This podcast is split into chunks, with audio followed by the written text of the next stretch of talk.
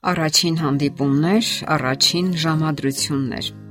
Ինչպիսին է առաջին տպավորությունը թե աղջիկների եւ թե տղաների մոտ։ Դրանք եւ նման են եւ որոշակի առումով տարբեր։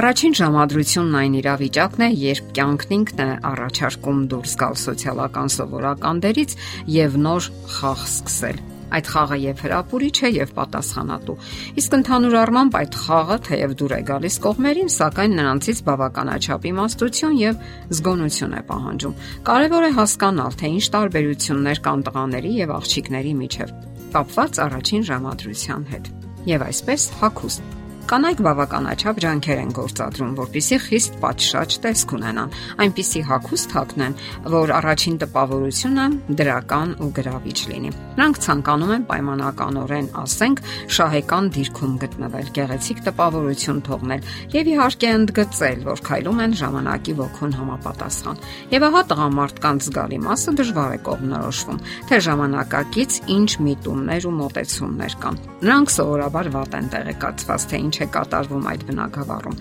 Սակայն ինչպես ասում են, դա ողբերգություն չէ եւ նրանք հիանալի գիտեն այդ մասին։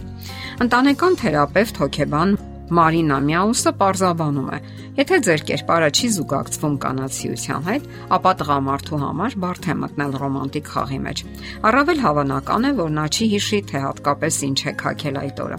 Այնինչ մնում է նրա հիշողության մեջ, կանացիության, գեղեցկության, հանգստության, խաղաղության, սեփական անձի հանդեպ ունեցած վստահության արկայությունն է կամ դրա բացակայությունը կնոջ մեջ։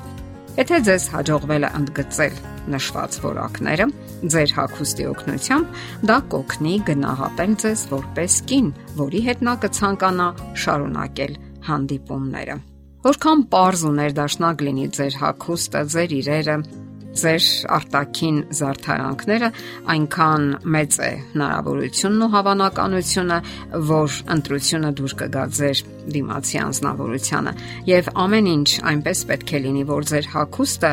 չշեղի նրան գլխավորից։ Իսկ այդ գլխավորը դուք եք ինչ վերաբերում է ձեր մասին պատմությանը։ Տղամարդը այնքան էլ չի ձգտում ձեր մասին, որքան հնարավոր է միանգամից շատ բան իմանալ։ Առաջին ժամադրությունից հետո նա ամենայն հավանականությամբ իր համար կնշի, թե ինքը ինչ էր զգում եւ ինչպես էր զգում իրեն աղջկա ներկայությամբ Իսկ կանայք նմանատիպ իրավիճակների առումով կնշեն, որ ցանկացել են իմանալ տղայի մասնագիտության հետ կապված խնդիրներ, նրա նախկին կյանքի հետ կապված խնդիրներ, ամուսնացած եղել է թե ոչ եւ այլն։ Միգուցե նաեւ երեխաների առկայության հետ կապված։ Ուշագրավ է, որ կանայք առավել շատ ուսումնասիրում են գործնական տեղեկատվությունը իսկ այդ նույն ժամանակ տղամարդիկ առավել կարևորություն են տալիս հուզական տպավորություններին։ Հոկեբան Մարինա Միաուսը այսպես է կարծում. մասնակիորեն դա կապված է այն բանի հետ, որ կինն ավելի հեշտ է հաղթահարում բազմախնդրության եւ փոխհարաբերությունների առաջադրած մարտահրավերները։ Նա հասցնում է գնահատել հուզական տրամադրվածությունը, տղամարդու վերաբերմունքը եւ իր զգացմունքները։ Եվ դրա հետ միաժամանակ կինը յուրացնում է իրատեսական ոլորտը, փորձելով պատասխանել գործնական հարցերին։ Հարաբերությունների ամենասկզբում տղամարդը մեծ մասամբ հակված է ապրելու, այսպես ասած, այստեղ եւ հիմա, պարզապես վայելելով այդ պահի շփման հաճույքը։ Նրանք պատրաստ չեն ինչպես կանայք առաջ վազել եւ երազել ապագայի մասին։ Այդ ապագան նշանակում է երջանիկ ժամանակ նույն կտուրի տակ ճանապարհորդություն, սեփական շնիկ, կարմրաթշիկ բալիկներ։ Մարինա Միաուսը շարունակում է իր միտքը Ոչ մի վատ բան չկա երազանքների մեջ, սակայն կնոջ համար կարևոր է զգալ երազանքների եւ կպչուն անիրական ծրագրերի տարբերությունը, որpիսի հնարավոր լինի խաղաղ մոտենալ ապագայի հանդեպ անհանգստություններին։ Անիրական կարճուն ծրագրերը հաճախ փորձ են վերահսկելու իրավիճակը, ինչն ավելի շուտ նյարդաբանական ախտանիշ է,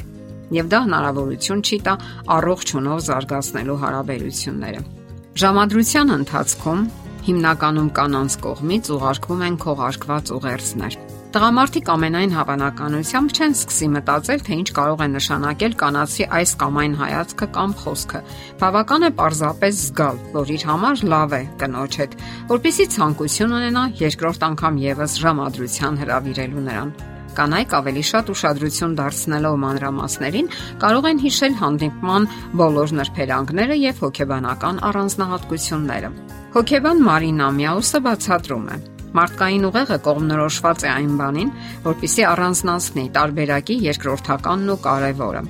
Ոչ խոսքային նրբությունները, մարմնի շարժումները, հայացքը, դիմախաղը նրանք հաճախ հաշվի չեն առնում։ Նրանց համար դրանք պարզապես լրացուցիչ նրբերանգներ են, որոնց հավաստիությանը նրանք սովոր չեն հենվել՝ ի տարբերություն կանանց, որոնք դրան կարևորություն են տալիս կանանց եւ տղամարդկանց տարբերությունների առաջին ժամադրության տպավորությունների վերաբերյալ մեր զրույցը կշարունակենք հաջորդ հաղորդման ժամանակ։ Եթերում ճանապարհ երկուսով հաղորդաշարներ։ Հարցերի եւ առաջարկությունների համար զանգահարել 033 87 87 87 հեռախոսահամարով։